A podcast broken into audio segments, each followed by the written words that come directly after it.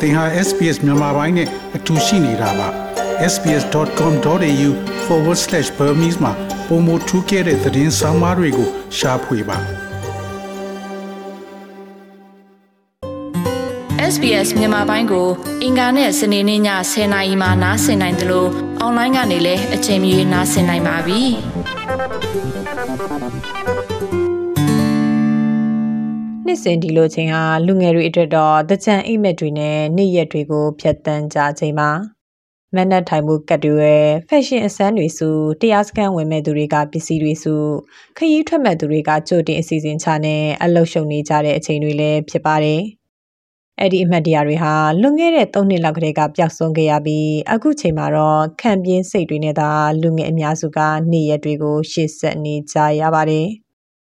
အသက်ဆုံးရှုံးခဲ့ရတဲ့လူငယ်တွေတောထဲမှာလက်နက်ကင်တော်လန်နေရတဲ့လူငယ်တွေနိုင်ငံရခြားသွားရောက်ခေါ်လုံနေရတဲ့လူငယ်တွေအတွက်တကြံနာနီးတဲ့ဒီလိုအချိန်ဟာရင်ခုန်စရာနေ့ရက်တွေဖြစ်ရှိမနေခဲ့ပါဘူးအခုတော့တကြံတချင်းတန်တွေနေရာမှာဘုံတန်တနက်တန်တွေနေရာယူခဲ့တာကြောင့်တကြံရောက်မှာတော့ကြောက်နေမိတယ်လို့ပြောလာသူကအသက်23နှစ်အရွယ်အစ္စလမ်လူငယ်အမျိုးသမီးမမနှင်းစီပါတကြံကအပုံမှန်ဆိုညီမတို့အာ တကြံသားနီးပြီဆိုလို့ရှိရင်ဟိုတချင်းနေကြရတယ်လေပုံမှန်ဒီဘုရားဘာမဟုတ်တာတော့မှပဲဘယ်လိုမျိုးဒီမြန်မာနိုင်ငံသားကတချင်းနေကြလို့ရှိရင်အဲ့သုံးသုံးလပိုင်းတော့ဘတ်ရှာလောက်ထဲဟိုကတချင်းနေကြနေပြီဆိုလို့ရှိရင်ဟိုဒါတကြံလာမယ်တကြံအငွေ့တက်တကြံအငွေ့တက်ပြီးလို့ရှိရင်တကြံလာတော့မယ်ဆိုရယ် feeling ပေါ့နော်တွတ်တူဖြစ်ဖြစ်နေတာပြီးစိတ်ကတက်ကြွနေတာပျော်နေတာဘာမှတခြားစိတ်ညစ်ဆောင်တွေ့တယ်အဲ့လိုမျိုးဖြစ်နေတာပေါ့လုံးဝပျော်စရာဘာဘာဘာစိတ်ညစ်တာမရှိရပျော်စရာတကြံပေါ့နော်အခုကျတော့ညီမတို့ကအဲ့လိုမျိုး အဲ့လိုမျိုးဟာကြီးလည်းမကြားရတော့ဘူးအာဘယ်လိုပြောရမလဲတကြံ၃လပိုင်းမှာတကြံတချင်းတွေကြားနေရမယ့်အစားညီမတို့ကဒီတိုက်ပွဲဖြစ်နေရဲ့အတန်ဒီအာဒီခုနမှာတော့ပောက်ကုန်ဒီနားမှာတော့ပောက်ကုန်ခုနမှာတော့ပြစ်လိုက်ပြီဆိုတဲ့ဟာမျိုးတွေပေါ့နော်ဆိုတော့အဲ့တော့အဲ့လိုကြီးပဲကြားပြီးတော့အဲ့အဲ့အငွေ့တက်တွေပေါ့ဆိုတော့ညီမတို့ဒီရေအာရေပက်ရမယ့်နေရာအစားမျိုးမှာညီမတို့ကဒီသွေးတွေပဲအဲသွေးသွေးသွေးတွေပဲကုန်နေသွေးတွေပဲပေးဆက်နေရတယ်ဆိုတဲ့ဟာမျိုးပေါ့နော် အဲ့လိုမျိုးညီမညီမစိတ်ထဲမှာတော့ရေဘက်တကြံဆိုတာစားလို့ရှိရင်တွေးထွက်တကြံဆိုပြီးတော့ညီမတို့ကွာခြားသွားတယ်မမနင်းစီတို့လိုလူငယ်တွေဟာလာမယ့်နှစ်တစ်ကိုတကြံမှာပြောဖို့ထဲစစ်အာဏာရှင်ကိုတော်လှန်နိုင်မှုကိုသာနေ့စဉ်နဲ့အမျှလှုပ်ရှားလှုပ်ဆောင်နေကြပါတယ်။အရင်ကမြို့ပေါ်မှာတကြံဆိုရှေ့တန်းကပြောခဲ့ကြတဲ့ဆယ်ကျော်သက်အရွယ်လူငယ်တွေကအစားအခုဆိုစစ်မြေပြင်ရဲ့ရှေ့တန်းတနေရာကနေစစ်ကောင်စီတပ်တွေကိုလက်နက်ကင်တော်လှန်နေကြတာပါ။ အသက်18နှစ်သားရှိသေးတဲ့လိကိကောဒေတာက PDF ရဲဘော်မုံနိုင်ကတော့အရင်တုန်းကဖြတ်တန်းခဲ့ရတဲ့တကြံကာလတွေကိုပြန်လွှမ်းနေမိတယ်လို့အခုလိုပြောပါတယ်။ပြောချင်တာပေါ့လူငယ်တဘာဝပဲအဲ့တကြံသားကြီးပွဲတော်တွေအဲ့လိုမျိုးပွဲတော်တွေကမလို့ကြာပြီဆိုတော့လေလူငယ်ဆိုတော့လေပြောချင်ပါချင်တာပေါ့ဒီတော့ဒီကာလကြီးမတိုင်ခင်ဆိုလို့ရှိရင်ကျွန်တော်တို့ဒီကျွန်တော်ဆိုရင်အာတပင်းကြီးရောင်နေပါရှို့တကယ်ကြီးနေပါရှို့အဲ့လိုခီးပဲတခါညက်ထွက်တယ်ဗျာအခုဒီကာလကြီးမှာကျတော့ ခရီးပါလည်းမထွက်ဖြစ်တော့ဘူးအဲ့လိုတကယ်ကြီးရဲ့တပွဲပြအကုန်ဖြစ်ကုန်တော့ပေါ့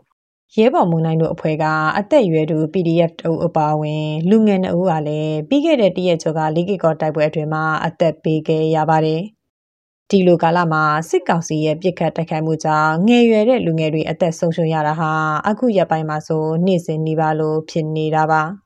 နိုင်ငံရေးအကျဉ်းသားများကူညီဆောင်ရှောက်ရေးအသင်း AAPP ရဲ့ပြီးခဲ့တဲ့ရက်ပိုင်းကစီးရင်တွေအရຫນွေဦးတော်လှန်ရေးကာလအတွင်းကြဆုံးခဲ့ရသူလူငယ်အရေးအတွက်တထောင်ကျော်ရှိတယ်လို့သိရပါတယ်။ဒါဟာလေတော်လန်ရေးရဲ့အချက်အချာတွေမှာပါဝင်နေတဲ့လူငယ်တွေရဲ့ပြည့်စက်မှုလို့ပြည်သူတွေကမှတ်ယူကြပါတယ်။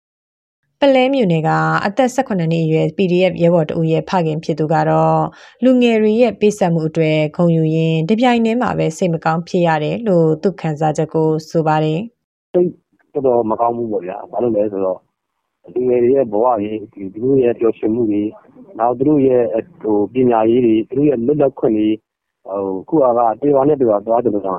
ညအချိန်ပြောနေသွားလို့မရတော့ဘူးနေကင်းဆိုလို့ရှိရင်လည်းဟိုသွားလို့မရတော့ဘူးဟို လုံးဝအခွင့်အရေးတွေဆုံးရှုံးတယ်ဟိုလေဖို့ဆိုရင်ဝေးရောပေါ့ဘာလို့လဲဒီစစ်ကောင်စီကသူတို့သူတို့မှာဆိုလို့ရှိရင်ရတော်လေးမှာလို့ရှိရင်သူတို့ဟိုဖမ်းဆီးတယ်ရိုက်တယ်အာ PDF မဟုတ်ရင်တော့မှသူတို့ကဟိုရိုက်တယ်လိတ်ကတယ်ပတ်ထံပိုင်းပတ်ထံယူထားတယ်ဖုံးပိုင်းဖုံးယူထားတယ်ဟိုနီးမျိုးစုံနဲ့ပတ်ပြီးဆိုင်ကမရောက်ရှိလို့ရှိရင်ပြစ်တယ်အဲ့တော့ဟိုကလေးတွေမှာလုံးဝစိတ်ကြီးချောက်ချားပြီးတော့ပေါ့နော်ဟိုပြောရရင်ကဘာကြီးနဲ့အဆက်တွေပြတ်နေတယ်လို့ပဲသူတို့မှာ ဘာမှမသိတော့ဘူးအဲတရားနဲ့ပြောဘာဖြစ်နေတဲ့တခါဆိုသူအဲ့လိုအတန်ကြားပြီဆိုမှသူတို့ဒီပြေးရလွှာရအဲဖုန်းကလည်းဒီမှာကနေရာတိုင်းမမိဘူးပေါ့တော်တော်လေးစိတ်မကောင်းဖြစ်တယ်ပေါ့နော်ဒီဒါဩဒီကလေးတွေဟိုဒီတိုင်းပြည်ရဲ့တကယ်ကိုလိုအပ်တဲ့နေရာတွေမှာသူတို့တွေဟိုဒီပေါ့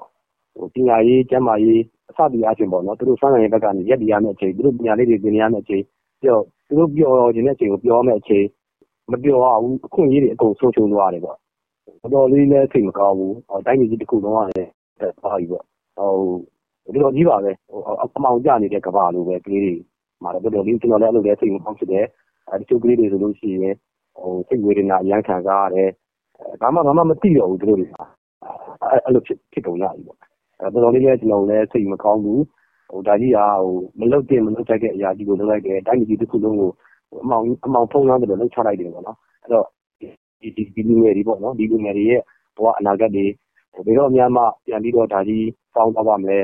ဘယ်တော့မှဘယ်တော့မှဘယ်ချိန်မှလည်းသူတို့ပြန်ပြီးတော့တိုင်းပြည်ကြီးကအေးချမ်းပါမလဲပြီးတော့ကလေးတွေတော်တော်စိတ်ကောင်းဖြစ်တယ်ပေါ့နော်တော်တော်လေးလည်းဝမ်းနေရတယ်ပေါ့မြန်မာနိုင်ငံမှာတော့အသက်15နှစ်ကနေ35နှစ်အတွင်းကိုလူငယ်လို့အတိတ်ပဲသတ်မှတ်ထားပါတယ်။ 2014ခုနှစ်တကောင်စီအရာမြန်မာနိုင်ငံလူဦးရေစုစုပေါင်းရဲ့သုံးပုံတစ်ပုံဟာလူငယ်တွေဖြစ်ကြပါတယ်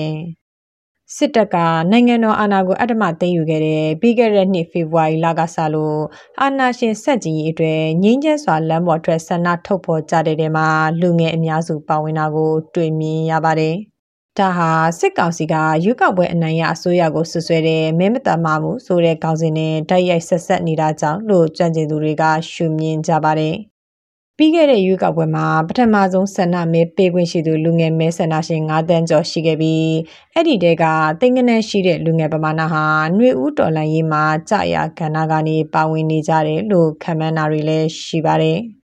ဒါဟာလူငယ်တွေရွေးကောက်ပွဲမှာပေးခဲ့တဲ့မဲတွေအရာမထင်ဖြစ်ခဲ့ရတာအပြင်အနာဂတ်တွေဆုံးရှုံးခဲ့ရတာကြောင့်ဖြစ်တယ်လို့စစ်အာဏာရှင်စက်ကြီးရန်ကုန်အင်အားစုဦးဆောင်သူကိုနန်းလင်းကပြောပါတယ်။ကဲကိုတိုင်းပြည်တော့လေအဲလူစွမ်းအကြီးမြင့်တီတကယ်ကိုဟိုဟိုအများကြီးပေါ့နော်ကဏ္ဍတီးတီးမှာဆုံးရှုံးတယ်လို့ကျွန်တော်တို့လူငယ်တယောက်ချင်းစီကျောင်းသားတယောက်ချင်းစီမှာပညာသင်ကြားရေးဆိုင်ရာအခွင့်အလမ်းအလုပ်ကိုင်အခွင့်အလမ်းဟိုတကယ်ကိုအခွင့်အလမ်းပေါင်းစုံ ဆုံးရှုံးပြီးတော့အနာဂတ်တွေကတကယ်ကိုမတိမချမရှိရတဲ့အခြေအနေဖြစ်သွားတယ်အခုလိုမျိုးကျွန်တော်တို့ပညာရေးအဆက်ပြတ်မှုတွေလူငယ်တွေခုလိုကိစ္စမှုတွေကြောင့်တိုင်းပြည်ဟာကျွန်တော်ရှင်နေဒါဖြစ်တော့ဖြစ်အရှိမှလည်းဖြစ်ခဲ့ jam ဖြစ်လေဦးမယ်။အဲဆို generation အရင်ခုဆိုရင်ကျောင်းမတက်က3နှစ်ရှိရဗျာ။ကျွ န်တော်တခြားကိစ္စတွေလည်းအများကြီးရှိတော့ကျွန်တော်ဒီနေ့ဒီဟာဒီလိုမျိုးပညာရေးအဆက်ပြတ်မှုเนาะလေးလာတင်မှုအခွင့်အလမ်းတွေအဆက်ပြတ်မှုလောက်ကန်ခွင့်အလမ်းဆက်ပြတ်မှုပါ။တိုင်းပြည်ရဲ့တိုးတက်ကြာတိုးတက်ကြောင်းတော့အများကြီးအနောက်ရှက်အဟန်တာဖြစ်တယ်လို့ကျွန်တော်မြင်တယ်။ဒါတွေကသူ့မှာတာဝန်ရှိတယ်လို့ဆိုရင်တော့ခုနကကျွန်တော်ပြောလို့ပဲကိုတပူလေးလာကြည့်တဲ့ဒီကိုဂျိုးစီဝါလာကြည့်တဲ့စစ်ကောင်းဆောင်ကြီးစီမှာအပြည့်အဝတာဝန်ရှိတယ်လို့ကျွန်တော်မြင်ပါတယ်။တော်လိုင်းနဲ့ပတ်သက်နိုင်မယ်ဆိုတော့ယုံကြည်တယ် နိုင်မယ်ကျွန်တော်လည်းကျွန်တော်လုပ်နေတယ်နိုင်အောင်လည်းကျွန်တော်တို့တက်နိုင်တဲ့တက်ဆွမ်းတဲ့ဘက်နဲ့လုပ်နေတယ်ထို့တော့ဘယ်လိုအခြေအနေပဲဖြစ်ဖြစ်ဒေါ်လာကြီးကာလမှာဒေါ်လာကြီးလွန်ကာလမှာကျွန်တော်အဓိကပြောတဲ့နှစ်ချက်ကတော့ကျွန်တော်တို့တိုင်းပြည်မှာထိခိုက်နေတာအဲပေးဆက်ခဲ့ရတဲ့သူမှန်တဲ့အတွက်စိတ်ပိုင်းဆိုင်ရာချုပ်ပိုင်းဆိုင်ရာပြန်လည်ထူထောင်ရေးကိစ္စတွေထူးထူးဖြင့်နိုင်ငံရေးစကားနဲ့ပြောမယ်ဆိုရင် transitional justice ပေါ့နော်အသွင်ကူးပြောင်းမှုဆိုင်ရာတရားမျှတမှုပေါ်ဆောင်ရေးကိစ္စလုပ်ကိုလုပ်ကြမယ်ဒါသိအရေးကြီးတယ်နောက်တစ်ခုကတော့ကျွန်တော်ဒေါ်လာကြီးကာလမှာဒေါ်လာကြီးလွန်ကာလမှာကျွန်တော်တို့ကျောင်းသားလူငယ်တွေအတွက် ပညာသင်ကြားရေးဆိုင်ရာအခွင့်အလမ်းတကယ်စစ်စစ်မှန်မှန်ပညာရေးပေါ့ဗျာဟိုဘွဲဒီဂရီဆိုတဲ့ကျွန်တော်တို့ရဲ့စိတ်ထဲအသေးထဲမှာတကယ်သိတယ်တကယ်နားလေတယ်အဲတကယ်သုံးချလို့ရတဲ့ပညာရပ်တွေကိုခုတည်းကကိုယ့်ဘာသာကိုနီးလန်းပေါင်းစုံနဲ့လေ့လာတာအဲဆွေးနွေးတာစာတာတွေကိုကျွန်တော်တို့အပတ်တကုတ်အဲရှာဖွေချန်ဆနိုင်ဖို့လိုတယ်ဒါမှလည်းကျွန်တော်တိုင်းပြည်ရတကယ်ကိုဟိုဒေါ်လာရင်းအလွန်မှာလည်းတခြားကျွန်တော်တို့နောက်ကျကြံခဲ့တဲ့အနေအထားတွေတခြားတိုင်းပြည်နဲ့ရှင်မောင်းတတ်နိုင်ဖို့တော့ဖြစ်လာနိုင်တယ်လို့ကျွန်တော်မျှော်လင့်ပါတယ် စစ်အာဏာရှင်ကိုတွန်းလှန်တဲ့နေရာမှာအခုဆိုရင်လူငယ်တွေဟာမြို့ပြပျောက်ကြားစစ်စင်ရေးလက်နက်ကင်တိုက်ပွဲစစ်စင်ရေးငင်းကျန်းစွာဆန္ဒထုတ်ဖော်ရေးစီယုံလှုပ်ဆော်ရေးအပါအဝင်ခန္ဓာအသီးသီးကနေပါဝင်နေကြတာပါဒီရက်ပိုင်းမှာပဲမြို့ပြပျောက်ကြားစစ်စင်ရေးအောင်မြင်မှုနောက်ဆက်တွဲတွေကြောင့်စစ်ကောင်စီကလူငယ်တွေကိုဖမ်းဆီးတပ်ဖြတ်တာတွေကိုပုံမလှုပ်ဆောင်လာနေပါတယ်။ လက်ရှိအချိန်ထိဖမ်းဆီးခံရသူတပေါင်းကျော်ထဲမှာလူငယ်အရေးအတွက်ဟာ80ရာခိုင်နှုန်းလောက်ပါဝင်တယ်လို့ AAPP ရဲ့စီးရင်တွေအရသိရပါတယ်။ဒီလိုဖမ်းဆီးတပ်ဖြတ်တာတွေလှုပ်ဆောင်ပြီးစစ်ကောင်စီဘက်ကလူငယ်တွေကိုအကြောက်တရားသွင်းနေပေမဲ့ဆယ်ကျော်သက်အရွယ်လူငယ်တွေကအစာခံယူချက်တွေပုံမပြင်းထန်လာနေတာပါ။မိသားစုရောအိမ်ကိုပါစွန့်ခဲ့ရသူရဲဘော်မုံနိုင်ကတော့ကျွန်တော်လည်းများတော့ဘူးလေကျွန်တော်တို့ဆိုလို့ရှိရင်အိမ်တွေဆိုလဲချိတ်ပိတ်ခံရတယ်လေ ကျွန်တော်အနာဂတ်တွေဆုံးရအောင်ဗျာအခုဆိုကျွန်တော်ဒီဒီကျွန်တော်တောင်းစာတင်တဲ့မှာစာတင်ရမယ်ရွယ်ကြီးဗျာအခုဆိုကျွန်တော်အခုစာလေးမတင်အောင်ဘူးတောထဲမှာလာပြီးတော့ဒီစနစ်ဆိုယူကျွန်တော်တော်လည်းနေရတယ်ဒီစနစ်ဆိုယူမရှိရင်တော့ကျွန်တော်နာဂတ်တွေကဒီရတဲ့ပူပြီးတော့ပိုကောင်းလို့ကျွန်တော်မျှော်လင့်နေကမ္ဘာတဝန်းမှာအနာဂတ်ရဲ့ကျယ်ပွင့်တွေလို့တင်စားလေးရှိတဲ့လူငယ်တွေဟာမြန်မာနိုင်ငံမှာတော့စစ်ကောင်စီရဲ့ပြစ်မှတ်ထားရာအဖိနှိတ်ခံဘဝတွေနဲ့ရှင်သန်နေကြရတာပါ ပြစ်စုံပန်နည်းရတွေရောအနာဂတ်တွေပါပျောက်ခဲ့ရတဲ့လူငယ်တွေအတွက်မလုံခြုံတဲ့အခြေအနေတွေကြားကနေပဲຫນွေဦးတော်လှန်ရေးအောင်မြင်ဖို့အခုຫນွေဦးဒီတိုင်းမလျှော့တဲ့ဆွဲတွေနဲ့တော်လှန်နေကြဆဲပါဖြတ်တန်းနေကြပြောစရာနှစ်တစ်ကူမဟာတကြံနေ့ရက်တွေကိုပါမပြီးသေးတဲ့တိုက်ပွဲအတွက်အငှားယူသုံးဖို့လူငယ်တွေကတော့စိတ်အားထက်သန်နေကြပါတယ်။ဒီသတင်းဆောင်မကိုတန်လင်ခက်ကပေးပို့ထားတာဖြစ်ပါတယ် SBS မြန်မာပိုင်းကိုနားဆင်ရတာနှစ်သက်ပါတလား Facebook မှာဆွေးနွေးမှုတွေကိုဆက်ကြရအောင်ပါ SBS မြန်မာပိုင်း Facebook ကို like လုပ်ပြီးတော့သင်ချင်တဲ့ချက်ကိုမျှဝေနိုင်ပါတယ် SBS Bemis ကို Facebook မှာ share ကြည့်နိုင်ပါတယ်ရှင်